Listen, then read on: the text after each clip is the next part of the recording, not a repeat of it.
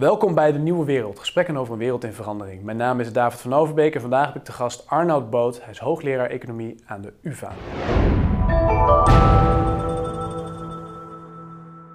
Dag Arnoud, fijn dat je er bent. Wij uh, spraken elkaar onlangs uh, tijdens een evenement in uh, Pakhuis de Zwijger. Toen ging het over de toekomst van het kapitalisme. Een groot onderwerp natuurlijk en we hadden het over specifieke onderdelen daarvan. Eigenlijk zeiden we tegen elkaar, we moeten het even in een klein ander gesprek nog even wat meer verder verkennen. En vandaar dat we deze kans eigenlijk aangrijpen om dat met elkaar te kunnen gaan doen. Um, voor, even voor de kijker, de achtergrond van dat evenement toen was dat um, wij onze vraagtekens zetten bij de, de houdbaarheid en toekomst van het huidige kapitalistische systeem. Dat wil natuurlijk niet zeggen dat we de kind met het badwater weggooien, maar we kijken naar wat gaat er mis en wat kunnen we beter doen. En uh, in dat gesprek, uh, waarvan als mensen willen terugkijken, ze de link ook kunnen vinden onder dit gesprek. Maar in dat gesprek zei jij um, dat met name dat idee dat wij hebben dat kapitalisme, competitie en innovatie eigenlijk altijd hand in hand met elkaar samengaan dat dat wel eens een achterhaald idee zou kunnen zijn, gegeven wat we nu om ons heen zien. Kun je dat misschien nog even kort toelichten voordat we het gesprek verder induiken, wat je daarmee bedoelde? Ja, David, eh, absoluut. Uh, het is op zich wel aardig dat uh, vorig jaar kwamen er allerlei studies uit van IMF, van een aantal Belgische economen in Leuven.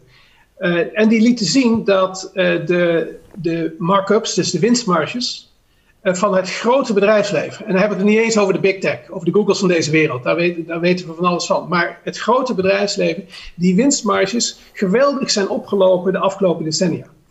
En er is verder naar gekeken. En uh, wat, wat blijkt, grote partijen slagen erin om eigenlijk de concurrentie uit de weg te gaan.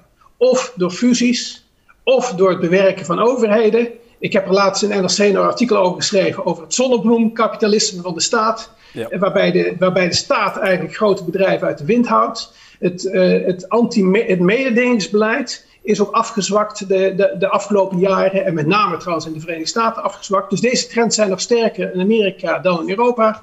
Het verklaart natuurlijk ook waarom het, het aandeel arbeidsinkomen in het totale inkomen afneemt. De arbeidsinkomensquote afneemt, omdat het winstinkomen toeneemt. En als je dan daarna gaat kijken, ja, bedrijven, iedereen denkt altijd bedrijven zijn er om te concurreren. Nee, bedrijven hebben er direct belang bij om de concurrentie uit de weg te gaan. En dat zit trouwens al in de hele strategieliteratuur. Uh, Michael Porter, wat toch een beetje de goeroe van, het, uh, van de strategie is, Michael Porter, een Harvard-professor. Als je zijn boeken leest, het gaat, het gaat er louter om hoe je de concurrentie uit de weg kunt gaan. En, uh, en dat zien we, en dat zien we in toenemende mate. Ja. Nou kan je natuurlijk zeggen, uh, voor bedrijven, ja, om een grote vis te willen zijn in een kleine vijver, dat wil misschien elk bedrijf wel, dat ambieert elk bedrijf, maar een goede overheid heeft dan een mededingingsautoriteit of heeft een, marktkoopman die dan zorgt dat de competitie goed bewaakt blijft. Maar als ik jou eens hoor, dan gaat het daar eigenlijk mis. Hoe kan dat? Nou, het is op zich natuurlijk wel logisch. Uh, grote bedrijven kunnen door grensoverschrijdende activiteiten overheden tegen elkaar uitspelen. Uh, vestigingsklimaat zien we als belangrijk. Het behouden van grote bedrijven zien we als belangrijk. Kijk in Nederland in de discussie van Unilever en, en, Shell. En trouwens eigenlijk ook AXO. Die wilden we ook ten koste van alles behouden. dus je ziet dat als je groot bent, dan heb je macht. En die macht die wordt ook nadrukkelijk politiek gebruikt. En je zit ook letterlijk aan tafel. Dus dat betekent ook, eh, we gaan het vandaag niet over corona hebben, maar het betekent ook dat, eh, dat bepaalde pakketten om ondernemingen te ondersteunen, grote bedrijven zitten aan tafel. Dus die ben je eerder aan het steunen dan een nieuw bedrijfje wat nog amper, amper zichtbaar is. Ja. En die tendentie is de, de afgelopen decennia alleen maar sterker geworden. Is dat ook niet logisch? Is het ook niet logisch dat je grote bedrijven aan tafel neemt, dat hun impact nou eenmaal groot is bijvoorbeeld en de effecten die zij hebben op de economie bijvoorbeeld ook weer doorvloeien naar, naar kleinere ondernemingen of naar aanpalende ondernemingen of aanpalende sectoren? Of zie ik dat verkeerd? Nee, kijk, je ziet het niet verkeerd. Het is, zeker een argument wat gebruikt wordt. Het lijkt trouwens iets op het argument van triple-down economics. Hè? Uh, het, het, het, komt ook terecht bij de kleintjes, triple-down economics. Uh, en dat blijkt ook. Dus eh, cruciaal voor de overheid is, natuurlijk moet je met grote ondernemingen rekening houden, want daar werken veel mensen voor. En grote ondernemingen zijn ook vaak belangrijk voor allerlei toeleveringsbedrijven. Dus ik ben de laatste die zegt dat je, dat je grote bedrijven zomaar moet laten vallen. Maar het parallele beleid, wat dus absoluut cruciaal is, is dat je die bedrijven die niet direct aan tafel zitten, nieuwe bedrijfjes, innovatie, Nieuwe, want heel veel innovatie komt van nieuwe bedrijfjes. Je moet zorgen dat dat klimaat voor nieuwe bedrijfjes beschermd wordt. En dat wat je groot beschermt, niet het nieuwe wegdrukt. Ja. En die tendentie, dus het is, het is een balancing act. Als je daar verkeerd zit, en het lijkt er in toenemende mate op dat we de laatste decennia daar verkeerd zitten, dan ben je dus innovatie aan het afremmen. En kijk naar de productiviteitsstijging in de westerse wereld. Ze zijn eigenlijk de laatste 10, 15 jaar lager dan ooit. Dus er is echt behoefte aan vernieuwing. En die, die krijg je niet als je het groter beschermt. Ja. Nou zie je natuurlijk, als je kijkt bijvoorbeeld naar Silicon Valley, of als ik daar zelf naar kijk, dan zie ik dat wat je daar veel ziet ontstaan is een soort dynamiek waarbij um, venture capitalists bepaalde start-ups zien, innovatie stimuleren door middel van financiering. En dat is natuurlijk een heel portfolio aan bedrijven worden dan gefinancierd. En een daarvan die wordt dan heel groot, die wordt misschien doorverkocht. Maar er zweven altijd de grote jongens zeg maar boven, de Googles, de Facebooks en dergelijke. En als ze zien dat er een iemand opstijgt, dan proberen ze eigenlijk te incorporeren met de hoeveelheid geld die ze op de balans hebben staan. Hebben ze ook een enorme slagkracht om dat uh, voor elkaar te kunnen krijgen. Nou, als je het dus hebt over innovatie en over hoe de, een soort klimaat zou moeten worden gecreëerd waarbinnen dat zou kunnen floreren, is dan zo'n soort mechanisme, is dat bevorderlijk of is het eigenlijk nog meer olie op het vuur? Als je ziet dat die grote jongens er zo boven zweven en ook die bedrijven kunnen opkopen, is dat nou de goede innovatie of is dat eigenlijk is, is dat binnen, een bepaald, binnen een bepaald domein gedacht? Nee, daar, niks is, niks is zwart-wit. Want, want uh, de, de, de, de big techs, de Googles van deze wereld, uh, die zijn voor een groot deel groot geworden en winstgevend geworden door hun eigen kracht, door hun eigen innovatiekracht. Ja? Dus het laatste wat je moet doen is zeggen dat je de big tech wil afschaffen. Nee, het, het zijn succesverhalen. Het probleem is alleen als iets succesvol is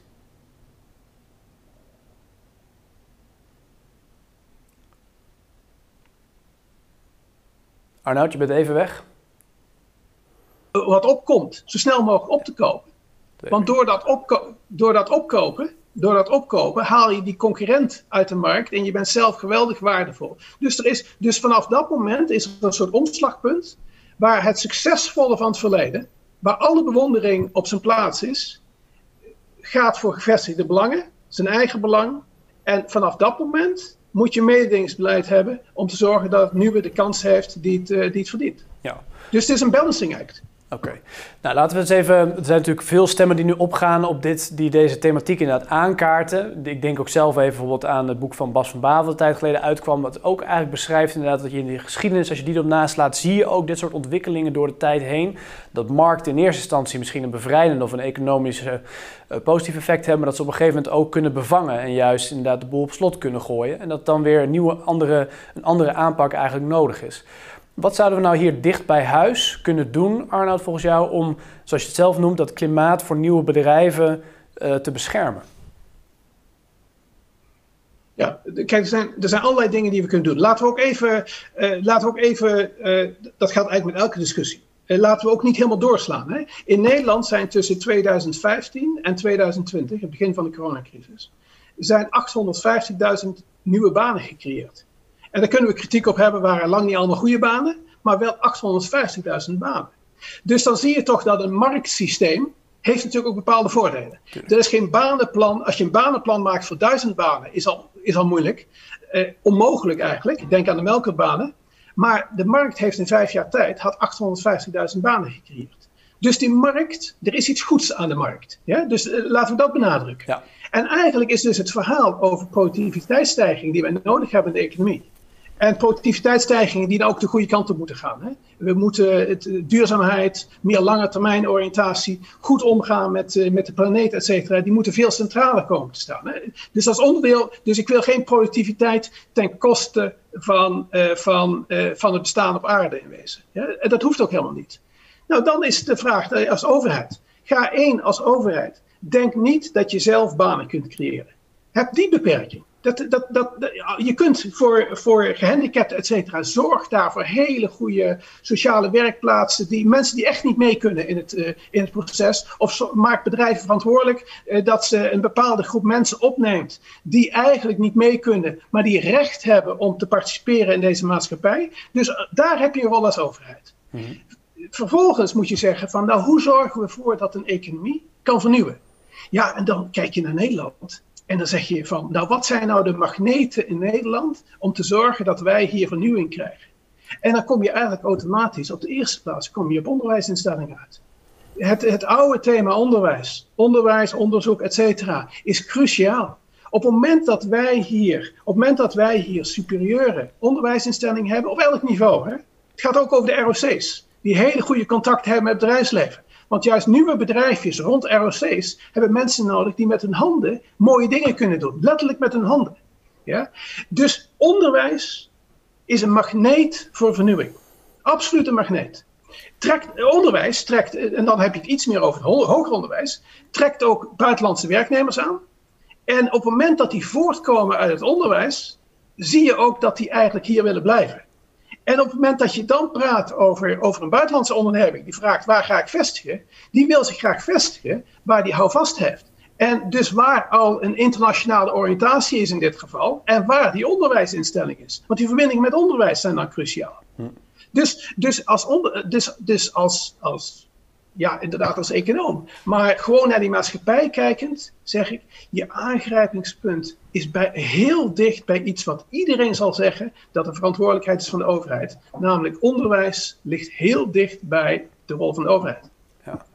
Nou zou het natuurlijk met, uh, zelfs als we dat onderwijs inderdaad helemaal kunnen, kunnen verbeteren en zo kunnen aangrijpen dat dit mogelijk wordt, dat wat je stelt, dat we dit kunnen verbeteren, dan kan men ons nog voorstellen, het punt wat je eerder zei, dat um, er toch nog een tendens is in Nederland, in bestuurlijk Nederland, om inderdaad de kleintjes, om het maar even zo te noemen, alhoewel ze natuurlijk niet klein zijn, maar de, daar niet echt een beschermend klimaat voor op te kunnen werpen. En waardoor ze dus altijd eigenlijk in de wind staan van de grote bedrijven. En of dat nou een beleid van overheid of pragmatisch ingegeven. Maar die grote bedrijven die krijgen toch vaak het voordeel van de twijfel ten opzichte van die kleine bedrijven. Ja, dan kan je natuurlijk met heel veel, uh, op, met heel veel onderwijs uh, verander je aan die situatie nog niet heel erg veel. Wat, wat zou dan, wat voor mededingingsregels zou je moeten hebben om zo'n klimaat te kunnen creëren waarbij je dus inderdaad echt gebruik kan maken van dat onderwijs, van, dat, van die kundigheid, van de kundigheid van ondernemers en dergelijke, om dit soort nieuwe innovaties, om nieuwe innovaties mogelijk te kunnen maken. Ja, voordat we naar het meningsbeleid kijken, er zijn heel veel dingen die we in deze maatschappij hebben ingericht, eigenlijk op, uh, die hebben we ingericht op de oude economie. Ik noem maar even iets. Uh, het, de, hele sociale, hele grote delen van de sociale zekerheid, uh, het pensioenstelsel, zitten vast aan een werknemer-werkgeverrelatie volgens de oude economie. Dat betekent dat uh, we heel veel flexwerk hebben in Nederland, allerlei ZZP'ers hebben in Nederland. En ondernemerschap en ZZP'ers, dat, kan heel, dat ligt vaak dicht bij elkaar. Uh, die vallen eigenlijk buiten de bestaande sociale structuur, de sociale zekerheidsstructuur, omdat die gekoppeld zijn aan die werkgever-werknemerrelatie. Dus uh, à la Commissie Borslap, à la BRR, zorg ervoor dat je, dat je een sociale zekerheidsstelsel creëert. Wat, wat in wezen gekoppeld is aan mensen. In plaats van gekoppeld is aan een oude werknemer-werkgeverrelatie. Mm En als je dat doet, dan zorg je in ieder geval dat een ZZP'er een vergelijkbare sociale zekerheid heeft. Als dat iemand heeft die vast werkt voor, voor, voor een grote onderneming. Ja? Dus, dus dat beleid is cruciaal. Het vangnet voor ZZP'ers, dat klinkt eh, bijna tegen ondernemerschap. Iedereen denkt ondernemerschap, dat heb je als je geen vangnet hebt. Nee, een vangnet is, is vaak heel belangrijk om ondernemerschap eh, van, van de grond te krijgen. Dus stimuleer ondernemerschap. En ben niet bevreesd om daar een vangnet onder te hangen, want dat vangnet dat gaat ze echt niet in slaap sussen. Ja. ja. dat blijkt ook uit internationaal onderzoek. Um, mededingingsbeleid, ja, daar zul, je, daar zul je heel goed naar moeten kijken. Als het kabinet nu weer een beslissing heeft genomen om eh, door middel van uh, aftrekmogelijkheden, investeringsaftrekmogelijkheden, 4 miljard belastingvoordeel te krijgen, bepaalde investeringsaftrekmogelijkheden, dan weet je nu al dat dat een cadeautje is aan grote bedrijven. De grote bedrijven hebben de gelegenheid via hun speciale afdelingen om optimaal gebruik te maken van ingewikkelde overheidsfaciliteiten en ingewikkelde fiscale faciliteiten. Dus een dergelijke fiscale faciliteit wordt gebruikt door het grote bedrijfsleven en niet voor het nieuwe bedrijfsleven. Dus wederom, het is niet mededingingsbeleid, maar het is overheidsbeleid wat dus haak staat op goede mededinging. En dan kun je vervolgens kun je naar het mededingingsbeleid kijken. En bij het mededingingsbeleid, dan moet je dan als overheid, vind ik eigenlijk, eh, ik ben, en daar is geen overeenstemming over. Hè. Ik ben voorzitter van Sustainable Finance Lab en mijn, eh, mijn mede-Sustainable Finance mensen, er zullen er heel veel zijn die een andere mening hebben. Er wordt nu bijvoorbeeld vaak gezegd dat voor, uh, voor uh, het voorzien in een meer sustainable productie, circulaire productie, er veel meer samenwerking tussen bedrijven nodig is. Want in samenwerking kan men vormgeven aan die duurzaamheid. Ik zeg vanuit het oogpunt van, uh, van kansen voor nieuwe bedrijven, et cetera, ik zeg kijk geweldig uit. Want dit klinkt heel mooi, je krijgt er bijna tranen van in je ogen. Die samenwerking voor het goede doel van sustainability. Maar die wordt misbruikt, dat weten we. Die gaat gebruikt worden om concurrentie, onderlinge concurrentie buiten werking te zetten. Dus als overheid, ga niet op elke modeverschijnsel mee. Uh, ga niet op elk modeverschijnsel mee. En onthoud dat een kracht van de markteconomie is, die we ten alle tijden moeten bewaken, is dat het nieuwe een kans heeft. Ja. En laten we zo even doorgaan op hoe inderdaad dan dat sustainability aangegrepen zou kunnen worden om, uh, uh, om daar misbruik van te kunnen maken. Als ik eerst even samenneem wat je net zegt, Arnoud, dan eigenlijk zeg je voor ondernemers zorg dat er vangnetten zijn inderdaad om te kunnen ondernemen. Dat idee dat we hebben dat ondernemerschap betekent dat je niks hebt om op terug te vallen, dat is eigenlijk dat is niet wat dat hoort niet bij elkaar. Uh, ik moet zelf ook denken aan in Amerika, waar natuurlijk ondernemers bijvoorbeeld veel makkelijker bij wet uh, failliet kunnen gaan en waar ondernemerschap in zekere zin heel anders tegenaan wordt gekeken dan bijvoorbeeld hier in Europa of in ieder geval in Nederland. Um, maar daarbij zeg je ook, let bijvoorbeeld op die meetings uh, met, met die wetten, dat de grote bedrijven hebben natuurlijk allerlei afdelingen en slimme mensen zitten die, die ze ervoor betalen om erop te letten en daar gebruik van te kunnen maken. Betekent dat dan ook omgekeerd dat wij ondernemers meer zouden moeten helpen, kleine ondernemers, om hun weg te vinden naar die overheidsfaciliteiten die worden, uh, die worden aangewend? Of zouden wij eigenlijk meer die mededingingswetgeving beter van toepassing moeten laten zijn op die kleine ondernemer? Nou, kijk, mijn voorbeeld hè, was eh, die fiscale faciliteiten. Hè. Uh, en die, dat is formeel geen mededingingsbeleid, want die fiscale faciliteiten zijn bedoeld om het bedrijfsleven te stimuleren. Maar als alleen de grote bedrijven er eh, gebruik van maken, dan is het bijna anti-mededingingsbeleid. Ja, precies. Anti-mededingingsbeleid. Ja. Uh, ik zeg dus, ben geweldig. Ik kijk geweldig uit met, met mooi overheidsbeleid, dus aanhalingstekens. Fiscale faciliteiten om investeringen te bevorderen. Wie kan er tegen zijn? Wie kan er tegen zijn? Kijk geweldig uit, want in de praktijk werkt het vaak precies andersom. En is het eigenlijk belangrijker om een voorspelbare overheid te hebben, want al die fiscale faciliteiten veranderen ook de hele tijd, om een voorspelbare overheid te hebben, eh, in plaats van elke keer nieuwe faciliteiten te creëren om je laatste, eh, om je laatste hobby te bevorderen. Hm. Eh, dus dus ik, ik pleit op dat punt eigenlijk voor terughoudendheid van de overheid. Waar die overheid nodig is, is waar je, waar je ziet dat uh, private partijen het niet kunnen doen. Uh, of er niet mee beginnen. En dan kom je, dan kom je dus ik, wederom, ik ben eigenlijk, ik, het mededingingsbeleid, daar kunnen we van alles over zeggen, maar er is zoveel overheidsbeleid wat eigenlijk anti-mededingingsbeleid is, dat ik liever eerst dat anti-mededingingsbeleid aan de kant schuif, voordat we het mededingingsbeleid dan nog proberen te verbeteren. Ja. Uh, de, de, de overheid, de terughoudendheid van de overheid is op heel veel punten nodig, maar niet overal. Dus op het moment dat, er, uh, op het, moment dat, er, uh, dat het nodig is, ik noem maar even iets, hè, in, in, in, in Londen, de Dockland area, een heel industriegebied, wat leefgebied moet worden, maar het is industriegebied. Of in Barcelona, voor de Olympische Spelen van Barcelona, de hele kust van Barcelona lag vol met, met vergaande industrie. Dan heb je toch echt een overheid nodig die daar een investering maakt en die vervolgens zorgt door het, door het te verschonen, door het op te knappen, door daar publieke faciliteiten te zetten, dan komen vervolgens de private investeringen. Ja. Maar wat hebben we de overheid in Nederland zien doen de laatste twintig jaar? De, de, overheidsuitgaven, iedereen die zegt de overheidsuitgaven, die zijn, niet, die, die zijn omlaag gegaan. De overheid uh, is, is, steeds minder belangrijk geworden, heeft ongelijk. De overheidsuitgaven zijn omhoog gegaan. Als percentage van het nationaal inkomen de laatste 15 jaar zijn omhoog gegaan. Maar de overheidsinvesteringen zijn wel degelijk omlaag gegaan. Dus de overheidsuitgaven zijn weggegaan van overheidsinvesteringen naar consumptieve overheidsuitgaven. Hm. Nou, het woord zegt het al, consumptieve overheidsuitgaven, daar geef je niet zoveel richting mee. Overheidsinvesteringen kun je richting mee geven. Hm. Dus, dus wederom, overheid, overheidsinvesteringen, publieke investeringen, zijn vaak cruciaal om vervolgens ook private investeringen los te krijgen. Ja. Zoals Barcelona, Havenfront, zoals Dockland Area in Londen, zoals allerlei duurzaamheidsinitiatieven, waar echt de overheid het eerste initiatief zal moeten nemen om de weg vrij te maken voor private initiatieven. Ja.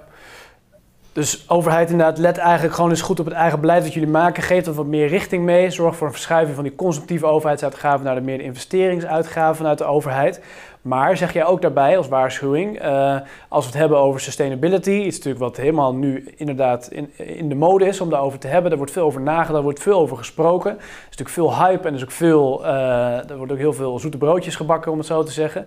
Maar zeg jij eigenlijk, um, er is nog iets anders, er kan ook misbruik van worden gemaakt. Wat zou de overheid nou moeten doen als ze toch, want ze willen natuurlijk wel met die thematiek aan de slag, wat zouden ze dan kunnen doen uh, om, om daar toch mee aan de slag te kunnen gaan en dat overheidsbeleid beter vorm te kunnen geven? Of waar moeten ze in ieder geval op letten volgens jou?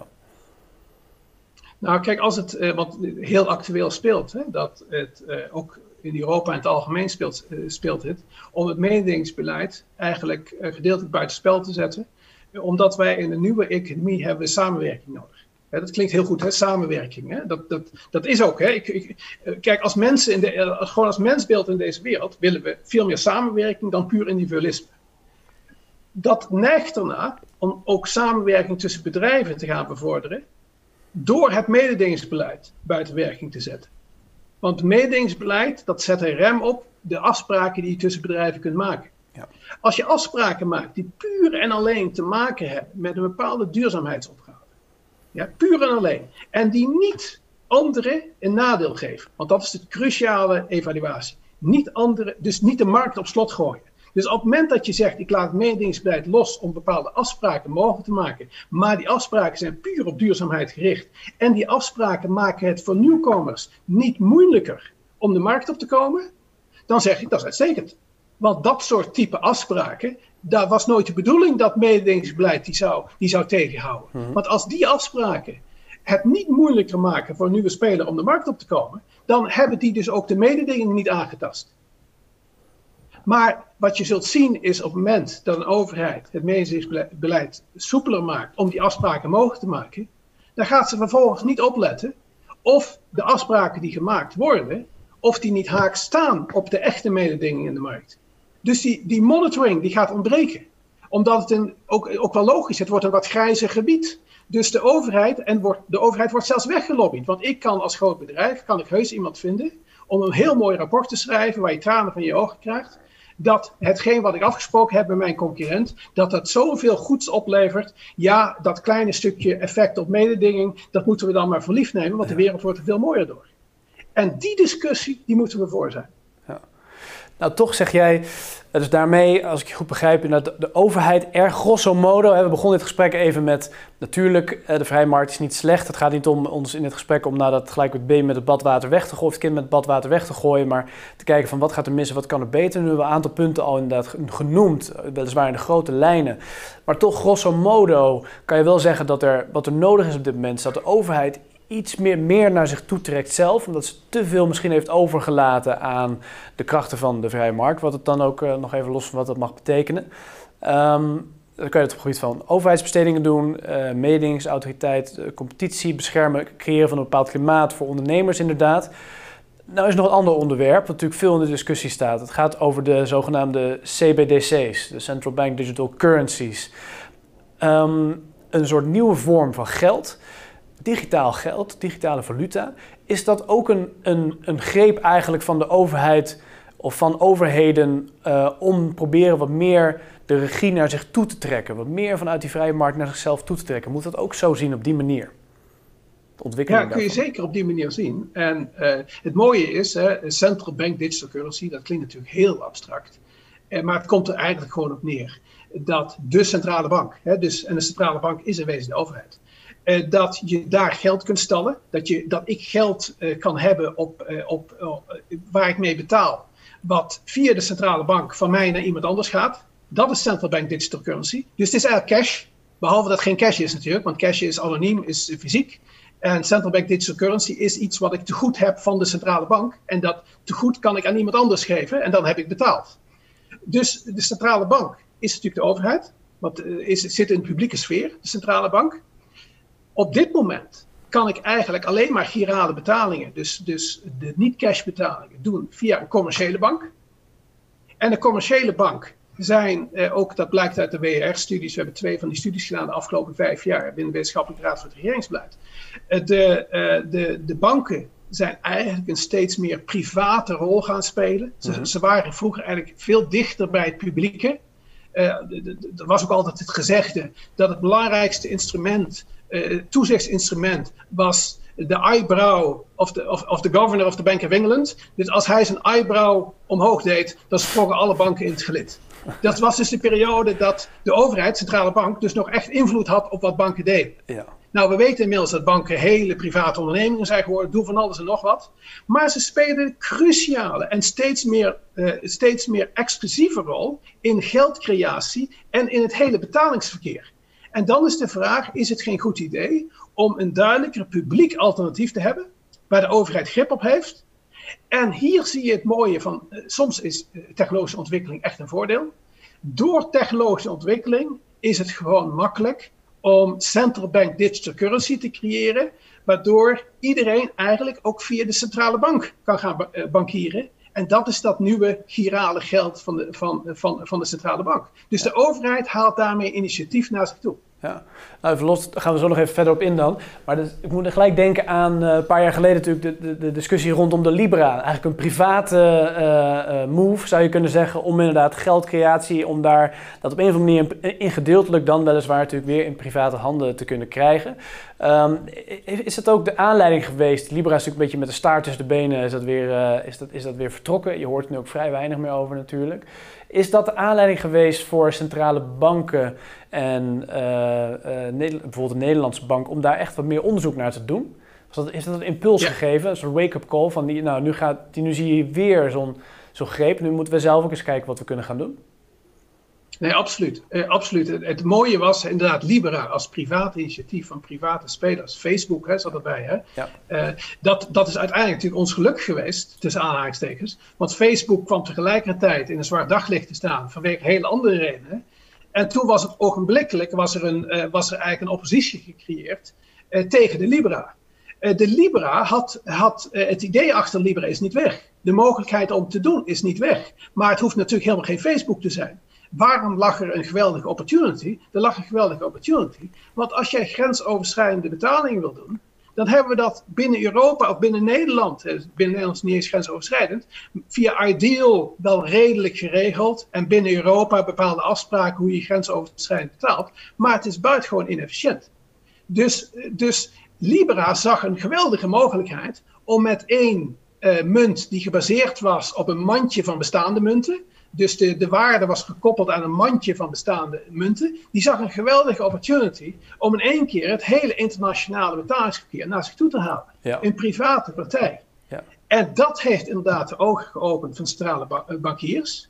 En het heeft ons bijvoorbeeld Sustainable Finance Lab, waar wij al een paar jaar voor Libra ons zo nadrukkelijk hadden uitgesproken dat central bank digital currency iets moest zijn wat centrale bankiers zouden moeten omarmen in plaats van wegduwen, want ze duwden het alleen maar weg. Ze waren achterhoedegevechten aan het voeren, in ons, naar onze mening. Dus voor ons was het een zegen dat die Libera opeens kwam. Ja. Wat, nu, wat je nu gaat zien, en dat is, uh, ik denk ook waar je naartoe wil. Wat je nu gaat zien is, central bank digital currency wordt nu serieus genomen. De Nederlandse bank heeft anderhalf jaar geleden gezegd: wij willen voorop lopen en wij willen graag die experimenten doen. Dus als de ECB zegt: willen wij als, als Nederlandse centrale bank willen wij uh, het initiatief nemen, doen wij graag. Ja. De ECB heeft er nu serieuzer op gereageerd. De Bank for International Settlements, wat de bank van, van de centrale bankiers is, heeft er serieus op, op gereageerd. En wat, dus het heeft nu momentum gekregen. En wat het mooie is, op het moment dat je, je zoiets gaat doen, en het gaat er gewoon komen, het is technisch mogelijk. Er is geen parlement die het uiteindelijk wil tegenhouden. Dat jij als burger je geld veilig kunt stallen bij de centrale bank. Dat kun je, dat kun je toch dadelijk als parlementslid niet tegenhouden. Dat je per definitie bij een commerciële bank moet zetten je geld en dat je het niet mag zetten bij de centrale bank. Hoe kun je dat ooit tegenhouden straks, als, als, daar, eh, als, als dat in de publieke opinie uh, wortel schiet? Dus het gaat er komen. En nu zie je dus dat het commerciële bankwezen, wat dus steeds commerciëler geworden is over de afgelopen 25 jaar, maar steeds onmisbaarder voor het hele betalingsverkeer en geldcreatie. Want het, het cashgeld werd steeds minder belangrijk. Dus het enige geld wat we nog hadden, was geld wat van de commerciële banken kwam. Dus het geld wat publiek is, kwam steeds meer van private instellingen. En die private instellingen waren steeds commerciëler geworden. Dus er moest iets gebeuren. Ja. En doordat we die central bank digital currency creëren, publiek uh, alternatief, worden banken gedwongen zich fatsoenlijker te organiseren, beter te financieren, stabieler te worden. Want als ze dat niet doen, willen we ons geld niet meer aanhouden bij die commerciële banken. Duidelijk. Dus liever die, zo'n digitale munt, liever dat het in publieke hand is dan in private hand. En op het moment dat we dus nu, je zegt eigenlijk het is onvermijdelijk, het is gewoon een kwestie van tijd. Want nu we zien de ontwikkelingen, we zien die verkennende rapporten zien we uitkomen. Uh, we zien ook in de publieke opinie dat er veel over gesproken wordt. Uh, waarom zou jij als consument inderdaad niet de keuze moeten hebben om je bank dan wel uh, bij de centrale bank te kunnen stellen? Waarom zou je ervoor altijd aangewezen moeten zijn op een commerciële partij? Uh, tegelijkertijd, en misschien kan je daar nog iets meer over vertellen, Arnoud, die, die digitale munt die heeft ook allerlei effecten op banken. Je noemde het al een aantal. Het, zegt, het gaat ervoor zorgen dat ze beter gefinancierd zullen gaan worden. Het gaat erom dat ze prudenter gaan worden. Um, hoe zit dat precies? Nou ja, kijk, op het moment dat je een publiek alternatief hebt, dan zijn wij natuurlijk geneigd, als we onzeker worden over de stabiliteit van een bank, om ons geld allemaal bij de centrale bank te zetten. Want die centrale bank is de overheid, die kan niet omvallen. Dus dat betekent dat er een soort bankrun risico is, dat als er ook maar een gerucht is over de houdbaarheid van de bank, dat wij ons geld allemaal verplaatsen in de centrale bank. En dat dwingt, om dat, om dat voor te zijn, moet het bankwezen zich fundamenteel anders gaan organiseren. Om te zorgen dat dat bankrun effect geneutraliseerd wordt. En dat kun je alleen maar dat kun je op twee manieren neutraliseren. Eén manier is door die uh, central bank digital currency klein te houden. Dus heel moeilijk te maken om daar uh, je geld in te stoppen. Maar dat is eigenlijk het kind met badwater gedeeltelijk weggooien. Hm. Of je kunt het bankwezen veel beter organiseren, waardoor banken stabiel moeten worden. En dus niet meer zo gevoelig zijn voor, uh, voor, die, voor die bankruns. Ja. Ja, dus dat is eigenlijk antwoord. Maar nog één ding daarvoor, want ik denk dat dat ook wel breder speelt. En dat geldt ook voor die grotere ondernemingen waar we het er straks over hadden, met die toenemende marktmacht. Stel dat de centrale banken niet hadden geacteerd. En stel dat Libra toevallig niet aan Facebook had vastgezeten, maar waardoor er een volksopstand kwam, maar er mooi uitgezien had. En stel vervolgens dat een partij zoals Facebook er toch bij betrokken was. Stel dat het een succes werd. Dan zou, dan zou die Libra, dat is een bedrijf, Libra als bedrijf die die munt uitgeeft, zou geweldige macht krijgen. Geweldige macht. Vergelijk het dan even met Uber en vergelijk het met Google. Wat hebben we Uber en Google zien doen toen ze opkwamen? We hebben, we hebben gezien dat toen ze groter werden, Uber, ze gingen in hun board, in hun bestuur, gingen ze mensen zetten uit het establishment. Nelly Kroes, de Europese concurrentiecommissaris, werd boardmember bij Uber. Niet omdat ze enig verstand had van Uber. Nee, Uber had mensen nodig die overheden konden lobbyen. En die overheden opzij konden duwen. En daar waren mensen zoals Nelly Kroes, maar niet alleen Nelly Kroes, ook Henry Kissinger, uh, allerlei van dat soort mensen belangrijk voor. Dus wat die nieuwe economie in dat geval doet, heel verstandig van hun bezien, is het establishment binnenhalen om de overheden weg te kunnen varen. Dus wat had Libra gedaan op het moment dat het populair werd? Die had mensen uit het establishment naar binnen gehaald. De Mark Carney's, voormalig centrale bankiers van deze wereld, die had ze naar binnen gehaald om het bestaande systeem opzij te duwen. En we zouden dan geëindigd zijn met een commercieel systeem wat los stond van publieke autoriteiten. Dus dit machtsvraagstuk is, is onvoorstelbaar belangrijk om dat in je hoofd te houden. Op het moment dat Libra de opening had gehad, had het waarschijnlijk niet meer kunnen tegenhouden. Hm. Gaan banken nou deze digitale munt verwelkomen, zijn nou eigenlijk deze digitale munt? Of gaan ze daar denk je ongelooflijk de hakken van in het zand zetten? Nou ja, banken, ik, ik denk dat ze, ze proberen het af te hebben, per definitie. Ze zullen per definitie zeggen, wij zijn toch veilig? En wij zijn veilig. Daar komt natuurlijk eigenlijk een beetje bizar. Waarom zijn ze veilig voor, uh, voor de gemiddelde Nederlander? Ja. Omdat er depositogaranties zijn. Ons geld tot 100.000 euro is gegarandeerd door eigenlijk de belastingbetaler. Ja. Dus het is niet veilig omdat de bank veilig is. Het is veilig vanwege de belastingbetaler. Dus banken zullen zeggen: het geld is toch veilig bij ons? En wij hebben toch ook het girale geld, betalingsverkeer goed geregeld. Wat trouwens, dat laatste klopt in Nederland. Klopt in Nederland hè? Ideal als betalingsverkeer over internet is opgezet door de banken, is efficiënt. Het Nederlands betalingsverkeer is efficiënt. Maar de wereld eindigt niet bij Nederland. Wij zijn een van de weinige landen die het efficiënt geregeld hebben. En als, het als de hele wereld overstapt op Libra, moeten wij ook mee. Herinner je nog dat wij in Nederland een superieur type pinsysteem hadden? En dat we naar het Europese pinsysteem moesten, wat, wat minder goed was dan het Nederlands systeem? Dat gaat dan ook spelen. Dus het argument dat Nederland het goed geregeld heeft, zelfs dat argument kom je niet ver mee in het internationale speelveld. Hm. Dus dit is ook echt iets wat inderdaad, zo'n digitale munt moet echt op Europese schaal uitgerold worden. En zien we het ook in andere, gaan we het ook in andere gebieden zien? Gaan we het ook in Amerika zien? Gaan we het misschien ook in Japan zien? Gaan we dit, gaan we dit wereldwijd zien? En gaat Europa misschien de eerste worden die, die, die het voortouw in gaat nemen? Ik, ik vermoed dat. Uh, kijk, Europa loopt op een aantal dingen loopt voor. Hè. Uh, je hoeft het Amerikaanse betalingsverkeer, uh, of je nou een fan of geen fan van Amerika bent, je zult concluderen dat het Amerikaanse betalingsverkeer voor consumenten een ramp is. Die, die, die, checks die je nog steeds hebt, papieren checks die je nog steeds hebt, dat is buitengewoon gebruikelijk. creditcards als het hoofdbetaalmiddel een kostenpost van 2% punt per transactie. Hoe is het in hemelsnaam mogelijk in deze tijd? Dat heeft allemaal met macht te maken. Dat heeft allemaal met macht te maken. Bestaande macht die voorkomt dat in Amerika een efficiënt betalingsverkeer wordt opgezet. Dus Europa heeft het goed voor elkaar, gemiddeld genomen. Maar uh, het efficiëntie van Nederland heeft geen enkel ander Europees land. Misschien wel één, maar, maar in principe niet. Dus op Europese schaal zal Central Bank Digital Currency een verbetering zijn. En Europa zal de bereidheid hebben dat te doen, want de ECB heeft graag initiatieven die grensoverstijgend zijn. En Brussel heeft graag initiatieven die grensoverstijgend zijn. En hier is nou toevallig een initiatief wat grensoverstijgend is en wat eigenlijk per definitie goed is. Ja. Goed, dus, Arnoud. Dus, dus Europa zal oplopen. Precies. Bedankt voor het gesprek. Uh, heel interessant. Ik denk inderdaad, we begonnen dit gesprek eventjes met uh, het idee natuurlijk dat uh, waar we het over hadden in het eerdere gesprek in Pakhuis Zwijger was die doorgeschoten marktwerking. Niet zozeer die marktwerking nou het veld te bekritiseren en dat weg te doen, maar wel te kijken wat gaat er nou mis. En je zou natuurlijk kunnen zeggen, in zekere zin, die, die deregulering die we hebben gezien de afgelopen tientallen jaren, juist het loslaten van marktwerking, had natuurlijk ook een hele evidente achtergrond. Dat was destijds ook vanuit een heel logisch licht werd dat bezien. De grote overheid, uh, daar, daar, moeten we vanaf. Maar juist nu zien we eigenlijk, als ik jou uh, goed begrijp, uh, zien we toch ook weer verschillende ontwikkelingen waarbij overheden proberen inderdaad om toch die marktwerking te beteugelen en om bepaalde dingen weer naar hun eigen, vanuit het private naar het publieke domein toe te trekken, waaronder bijvoorbeeld die digitale munten.